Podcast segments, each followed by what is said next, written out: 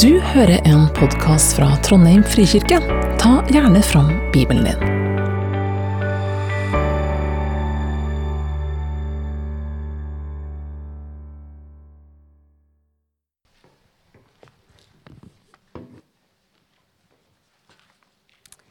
Yes, vi skal lese fra Matteus kapittel 6, vers 25-34.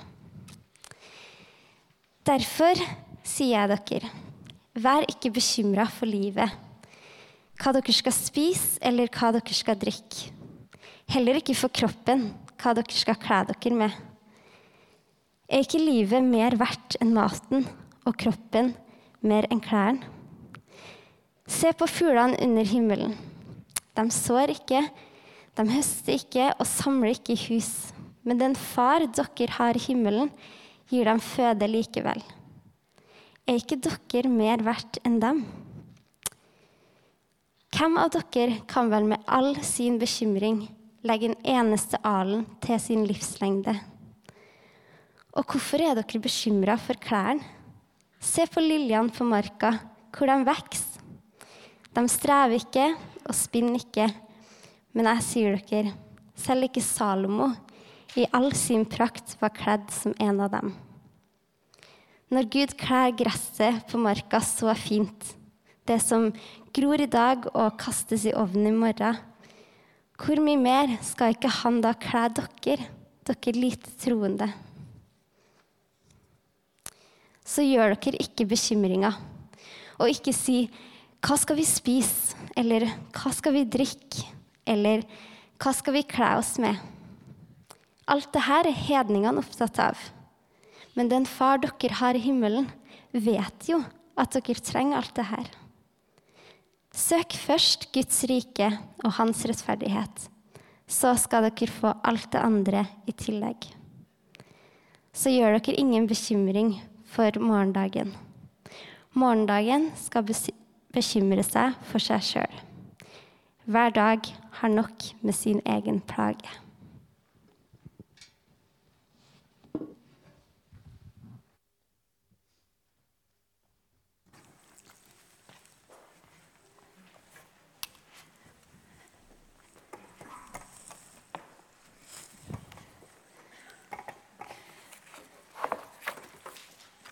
Tusen takk, Maria. Godt nyttår, alle sammen. Dere sitter fryktelig langt bak, men det er vel ikke noe å gjøre med det i denne menigheten? Hæ? Nyttårsforsett litt lenger fram. Det er så mye lettere å snakke da. Eh, men jeg er skikkelig godt forberedt, og jeg gleder meg veldig, så jeg fyrer løs.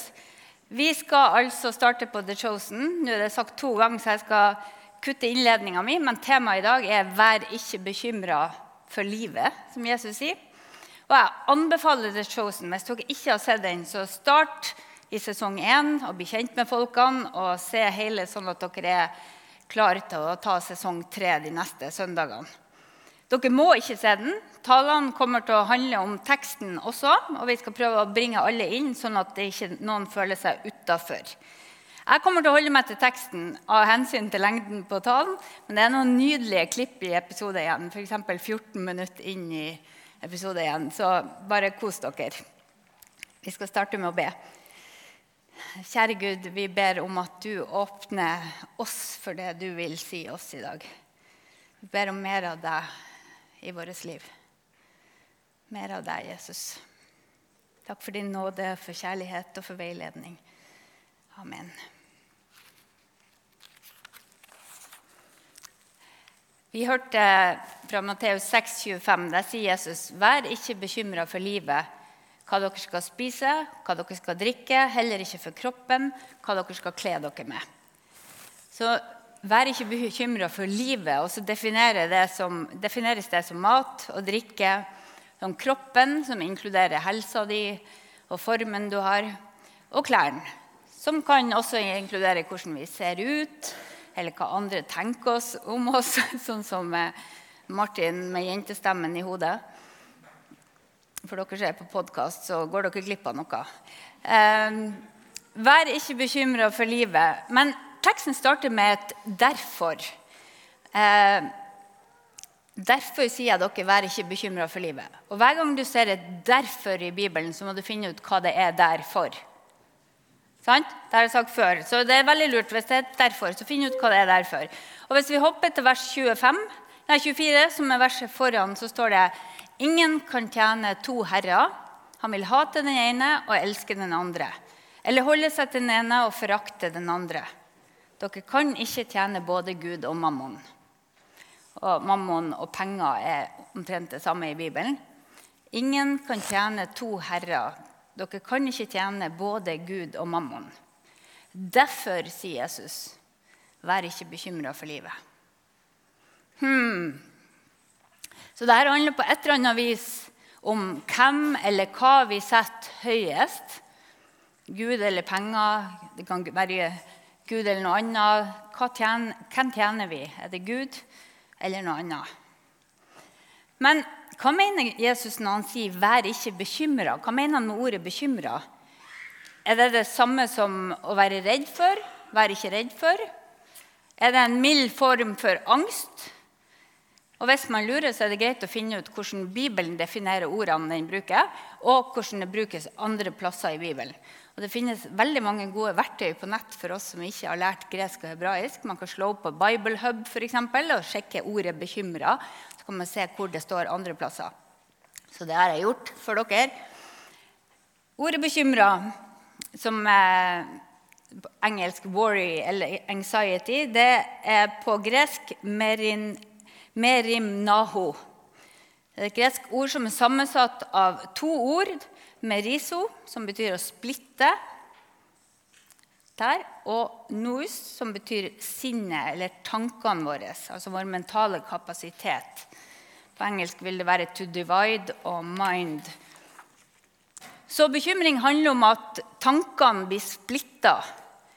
Og pastoren Max Lucado han har sagt det fint. Han har sagt at 'anxiety splits our energy between today, today's priorities and tomorrow's problems'.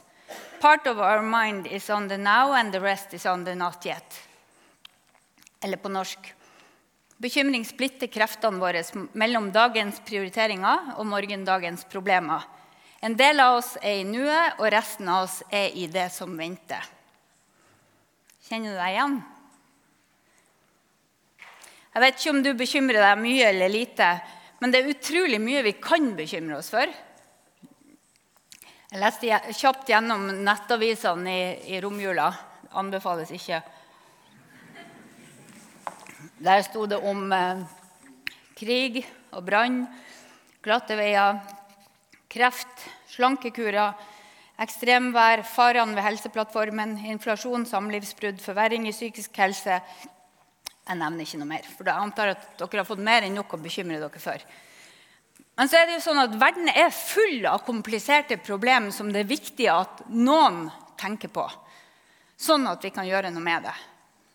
Er dere ikke enig? Noen må tenke på det. Vi kan ikke slutte å tenke på det, for vi må løse problemer. Men de fleste av oss er jo, er jo hjelpeløse i, i møte med de her store problemene. Så da gir det grobunn for bekymringer. Og I tillegg så kommer kanskje skyldfølelsen og skammen over det vi eh, gjør som vi, det vi ikke gjør som vi kunne ha gjort, eller det vi gjør som vi ikke burde ha gjort. For ikke snakke om de følelsene som eh, kan vekkes når vi tenker på alle truslene, alle farene, alt det, ikke, alt det vi ikke kan kontrollere.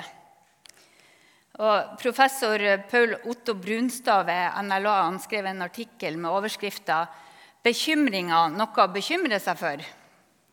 Det er jo en utrolig god overskrift. Er det noe å bekymre seg for, de her bekymringene? Eh, og han skriver altså Bekymringens kilder er uuttømmelige, og deres kraft allesteds nærværende. Ikke før den ene viser seg å være grunnløs og banke en ny på døra. Og denne gangen er det virkelig alvor. At det gikk bra sist, er jo kun tilfeldig. Så er det på'n igjen, for å si det her i Jan Eggum. Midt i alt opplever vi en liten lettelse. Er alt på stell og alt fungerer, så er det vel i alle fall grunn til bekymring. Da er det helt sikkert rett før noe galt skjer. Å bekymre seg føles eh, og fungerer preventivt. En er liksom klar når det uunngåelige likevel skjer. Kanskje er det noe av grunnen til at de er så slitesterke og gjør at de varer år etter år uten at de tapes i kraft. Kjenner du deg igjen? Litt ned, lenger ned i artikkelen skriver han det her. Bekymringene tar kvelertak på oss, sånn at vi til slutt knapt får puste. Ikke rart at en blir sliten, utmatta og motløs. Nå er det ikke alle som sliter med bekymring, i alle fall ikke hele tida. Men de fleste av oss har noen områder der vi bekymrer oss for det som skal skje. For I bibelgruppa mi så sa vi ja, jeg prøver jo ikke å bekymre meg, men jeg bekymrer meg om ungene. Jeg gjør jo det. Men det er en ting vi ikke har kontroll på, og det er slitsomt å bekymre seg. Eh, Charles Spurgeon, som er baptistpastor i USA, eller var Han er vel ikke i livet lenger. Han sa at 'anxiety does not empty tomorrow of its sorrows, but only empties today of its strength'. Eller på norsk 'bekymring tømmer ikke morgendagen for plager', den tømmer bare dagen i dag for sin styrke'. Det er ikke rart at Jesus advarer oss mot bekymring, mot å splitte sinnet mellom det vi kan håndtere i dag, og det som kan komme. Men hva er alternativet? Hvordan unngår vi bekymring? Er det overhodet mulig? Da skal vi gå tilbake og se hva Jesus sier i Matteus 6, 25. Han sier, 'Er ikke livet mer enn maten og kroppen mer enn klærne?' Se på fuglene under himmelen. De sår ikke, de høster ikke, og de samler ikke i hus. Men den far som dere har i himmelen, gir dem føde likevel. Er ikke dere mer verdt enn de? Og Merk dere at Jesus sier ikke at vi skal bli som fuglene. Han sier vi skal se på fuglene. Husk det. Vi skal ikke bli som fuglene, vi skal se på fuglene. Kanskje Jesus kunne sagt, 'Se opp, løft blikket'. Se hva Gud har gjort. Se hva Gud har skapt. Se hvem Gud er. Han er din far i himmelen. Hvis Gud sørger for mat til fuglene, tenk hvilken omsorg han vil ha for deg. Du som er menneske. Ja, du kan stole på at Gud har omsorg for deg. Og så kommer det her spørsmålet fra Jesus som er så, bare, så relevant for oss. Hvem av dere kan vel med all sin bekymring legge en eneste alen til sin livslengde? Nå er en alen 50 cm, men det hjelper meg ingenting. Sant? For sant? ingen av oss kan legge til noe på livslengden. Tvert imot, bekymring kan jo heller ta fra oss livsgleden og motet og forkorte livet. Vi skal hoppe over det her med liljene på marken, men det kunne du oversatt med Se ned, se rundt dere, se, se hva Gud har gjort. Så hopper vi til vers 31. Der sier Jesus, så gjør dere ikke bekymringer. Do not worry, sier Jesus. Og si ikke 'hva skal dere spise', eller 'hva skal vi drikke', eller 'hva vi skal kle oss med'. Alt dette er jo hedningene opptatt av. Men den far dere har i himmelen, vet jo at dere trenger det. Det er noe hedningene er opptatt av. Hedningene her er de som ikke er jøder, de som ikke kjenner Gud som en himmelsk far. Men dere, sier Jesus, dere har en far som vet at dere trenger alt det her. Akkurat som han sier, 'Husk det, dere har en far som vet'.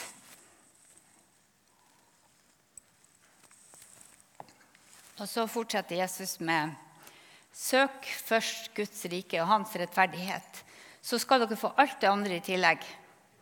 Så gjør dere ingen bekymringer for morgendagen. Morgendagen skal bekymre seg for seg sjøl. Hver dag har nok med sin egen plage. Jeg måtte legge ut dette verset når jeg hadde søndagsskole for tre til tiåringer. Jeg husker jeg jobba veldig med hvordan forklarer du 'søk først Guds rike'. Eh, og Det betyr jo at vi skal ta imot Jesus som frelser og konge og leve et liv sammen med ham. Det betyr å la han lede oss og vise oss hva som er viktig og hva som er mindre viktig.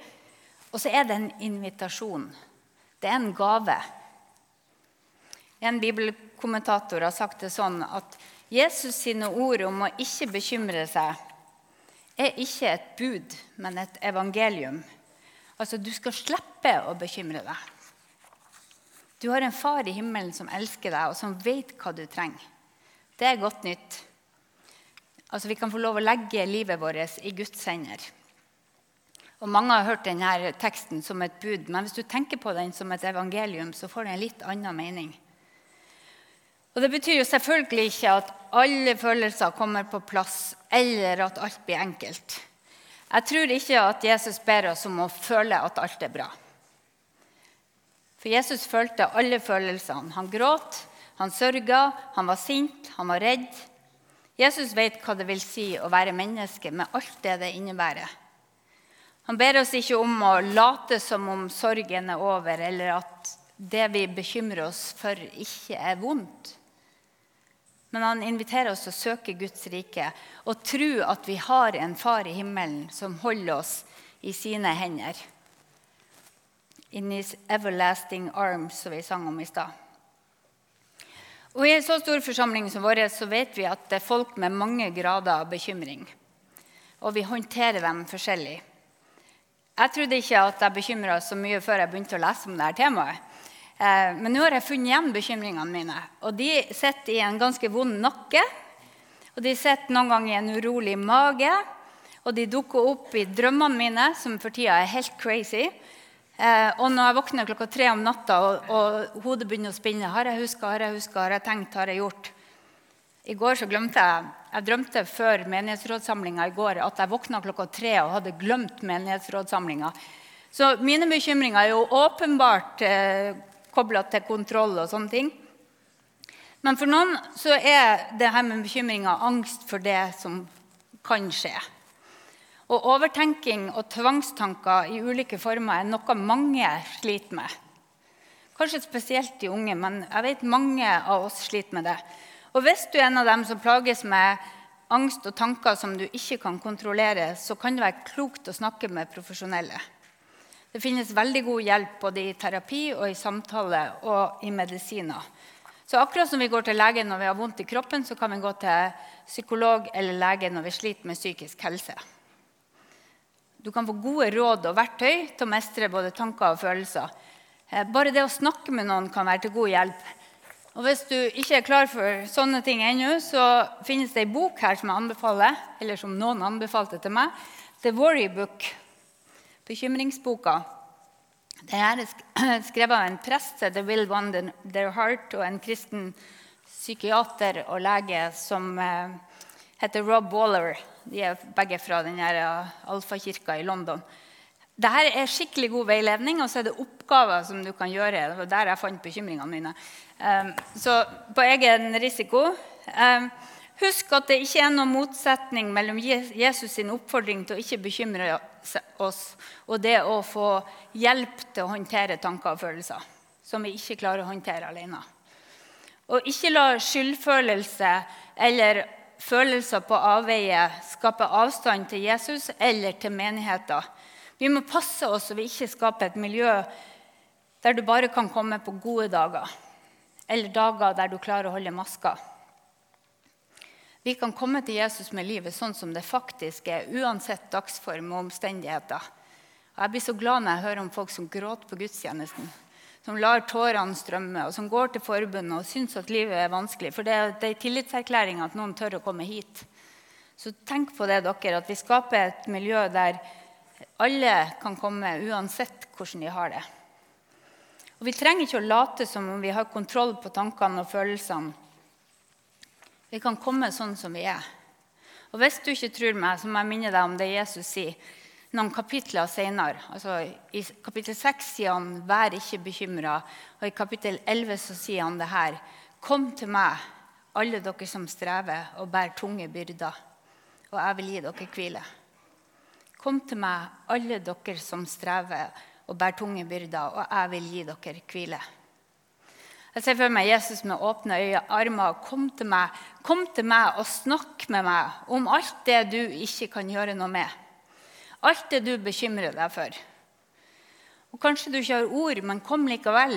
Det står et nydelig vers i Romerne 8, 26 om at Den hellige ånd selv går i forbønn for oss eh, med sukk som ikke kan uttrykkes i ord. Bare kom. Noen dager så er det å komme til Jesus med bekymringene mine mer og, som å ligge i fosterstilling på gulvet sammen med Jesus. Andre dager så er det mer som en samtale der jeg kan sette ord på det jeg strever med, og gi Jesus byrdene mine. Jeg har et sånt bilde i hodet at du kan hvis du har en bekk og så setter du sånn papirbåter ut i den bekken Det gjorde vi da jeg var liten. I, i, det vil si, det var jo, veien var en bekk da jeg var lita, før asfalten. Og Da satt vi sånn papirbåter i bekken, og så så vi hvor langt de fløyt. Og de for jo kjempefort nedover bakken. Så jeg kan legge folkene mine, fortida, fremtida, bekymringene i sånne små papirbåter, og så sender jeg dem av gårde. Det kan jeg gjøre sammen med Jesus. Og I sånne samtaler så kan jeg oppdage at det er ting i livet mitt som er blitt viktigere enn det det skal være. Har dere opplevd det noen gang? Bekymring kan nemlig avsløre hva vi er mest opptatt av. Det vi er mest redd for å miste eller mest redd for å ikke få. Hva er det for deg?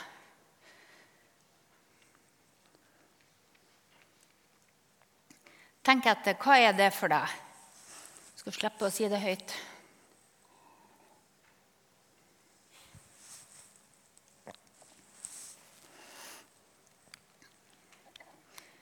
Jesus kan hjelpe oss med det også. Han kan hjelpe oss til å prioritere og sette ting i perspektiv. Du kan ikke tjene to herrer, sa Jesus. Ikke både Gud og mammon. Og mammon var sikkert bare et eksempel. Hvilke herrer er det du prøver å tjene? Jeg vet at noen av mine bekymringer har rot i ambisjoner og selvopptatthet. Jeg søker materiell og økonomisk trygghet for å kunne slippe å bekymre meg. Kanskje noen flere av dere gjør det. Og så er det lett å rettferdiggjøre det og kalle det ansvarlighet. Men Jesus sine ord utfordrer meg likevel. Klart vi skal være ansvarlige, men hva er det som er så viktig? Hvilke herrer er det jeg prøver å tjene? Er det Gud, eller er det noen annen? Hva er det som betyr mest i det daglige? Bekymringene avslører hva som er viktigst for oss. Og Det kan godt hende at det du bekymrer deg for, er det som skal være, være det viktigste. For det gir deg viktig informasjon som du kan bruke til å eventuelt korrigere kursen eller rydde i prioriteringene og i kalenderen. Sånn at det viktigste blir det viktigste, og det nest viktigste blir det nest viktigste, osv. Så sånn som C.S. Lewis skriver. Jeg vil gjerne tjene Gud med hele livet mitt og bli fylt av hans kjærlighet for andre mennesker. Jeg vil bøye meg for hans vilje, vil jeg, vil jeg prøve, og jeg vil fortelle om han. Men å følge Jesus kan ikke komme som et krav på toppen av alt det andre. Ingebrigt snakka om det i to taler i desember. Å følge Jesus må heller hjelpe oss til å sortere alt det andre, sånn at vi kan skrelle vekk det som ikke er Guds beste for oss. Og Dette er jo en livslang utfordring for alle som vil følge Jesus. Vi må finne ut hvordan lever vi et liv med Jesus som Herre i Norge i 2024 med det vi har fått å forvalte, og med de folkene vi har fått ansvar for. Og Jesus anerkjenner at det ikke vil være lett. I Matteus 6,34 så sa han så gjør dere ingen bekymringer for morgendagen. Morgendagen skal bekymre seg for seg sjøl. Hver dag har nok med sin egen plage, sier Jesus. Husker dere slagordet fra 70-tallet? Ta det rolig, ta en Toy! Det var sånne, altså Man kunne kjøpe tyggegummi med fem biter i når jeg var lita. Det var liksom det vi fikk. Ta det rolig, ta en Toy, var reklamen. Er det det Jesus mener? Ta det rolig, len deg tilbake, ikke bekymre deg.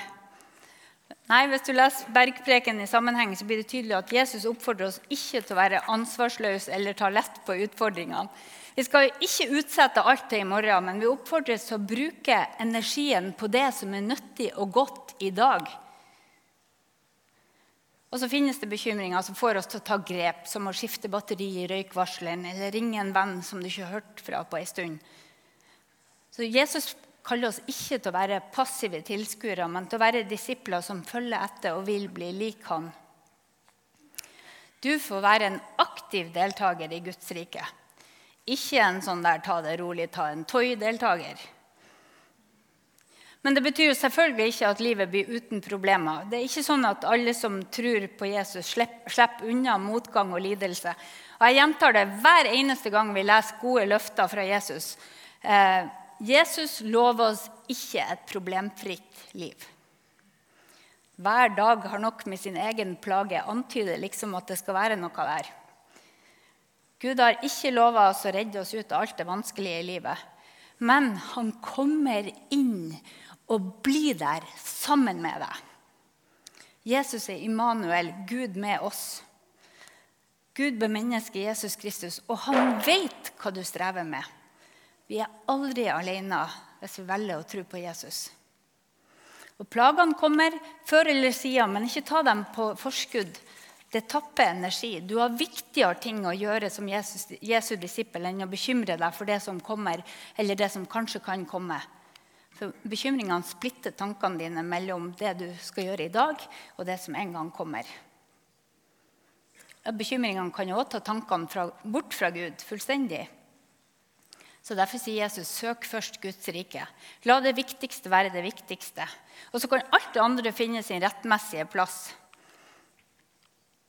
Da Paulus satt i fengsel og venta på dødsdommen, skrev han brev til menigheten i Filippi, kapittel 4, vers 6 står det. Og husk han sitter i fengsel. Vær ikke bekymra for noe, men legg alt dere har på hjertet, framfor Gud. Be og kall på Ham med takk. Og Guds fred, som overgår all forstand, skal bevare deres hjerter og tanker i Kristus Jesus. Og her er vi ved kjerna. Vi kan erstatte bekymring med bønn og takk, selv i fengsel. Selv når håpet renner ut, så kan vi legge alt vi har på hjertet, framfor Gud. Be og kall på Han med takk. Og Guds fred, som overgår all forstand, skal bevare deres hjerter og tanker i Kristus Jesus. Så Det er akkurat som vi kan få lov å puste ut bekymring. Ta et pust ut.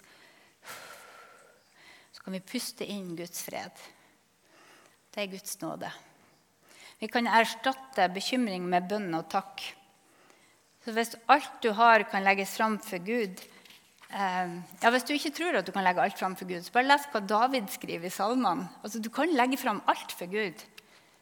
Og så kan vi gå fra bekymring til bønn og takk, eller fra, på engelsk fra worry to worship. Da skjer det noe med oss. Eh, for bekymring splitter tankene våre, og tilbedelse samler tankene. Ser dere det? Bekymring splitter, tilbedelse samler. Så bønn og takk flytter fokus til Gud. Og Da kan vi huske at vi kan komme til ansikt til ansikt med Han som er alfa og omega. Han som er troens opphavsmann og fullender. Han som har skapt oss. Han som har gitt livet sitt for at vi skal få lov å leve. Han som har berga oss fra synd og død, og som elsker oss med evig kjærlighet. Så vi kan faktisk velger å feste blikket på Jesus og søke inn til ham midt i det som er ukontrollerbart. Og Så kan du gjøre det halvhjerta eller helhjerta, avhengig av dagsformen. Eller hvor store påkjenninger du er nødt til å tåle. Og Jesus vet hvor vanskelig du har det. Verden er et usikkert sted å være. Alt kan skje med alle hele tida. Men hvis du velger å tro at du er i gode hender hos Gud, kan du bruke energien på det som er godt og nyttig, i stedet for bekymring som splitter kreftene mellom dagens prioriteringer og morgendagens problemer. Når Gud er vårt håp, vårt anker, vår far, så kan vi finne fred midt i stormen. David skriver om det i Salme 46, 46,2. Han sier Gud er vår tilflukt og vår styrke, en hjelp i nød og alltid nær. Og Det betyr fortsatt ikke at vi unngår det vanskelige. Da Paulus satt i fengsel og venta på dødsdommen, så prøvde han ikke å minimere grunnene til å være bekymra. Han visste at døden venta, og han prøvde ikke å bortforklare det. Men midt i det vonde, midt i det han ikke kan gjøre noe med, så oppfordrer Paulus filipperne til å holde kontakten med sin himmelske far. Vær ikke bekymra for noe, men legg alt dere har på hjertet framfor Gud. Be og kall på ham med takk. Og Guds fred, som overgår all forstand, skal bevare deres hjerter og tanker i Kristus Jesus. Selv når det vi frykter mest, faktisk skjer, selv da kan vi oppleve Guds fred som overgår i hvert fall all menneskelig forstand. Ingenting kan skille oss fra Guds kjærlighet i Jesus Kristus. Husk at du har en far i himmelen som vet hva du trenger. Amen.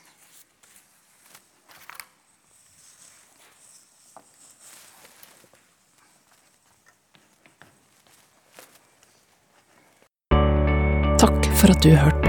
Velkommen til gudstjeneste søndager klokka 11. Mer informasjon finner du på trondheim.frikirke.no.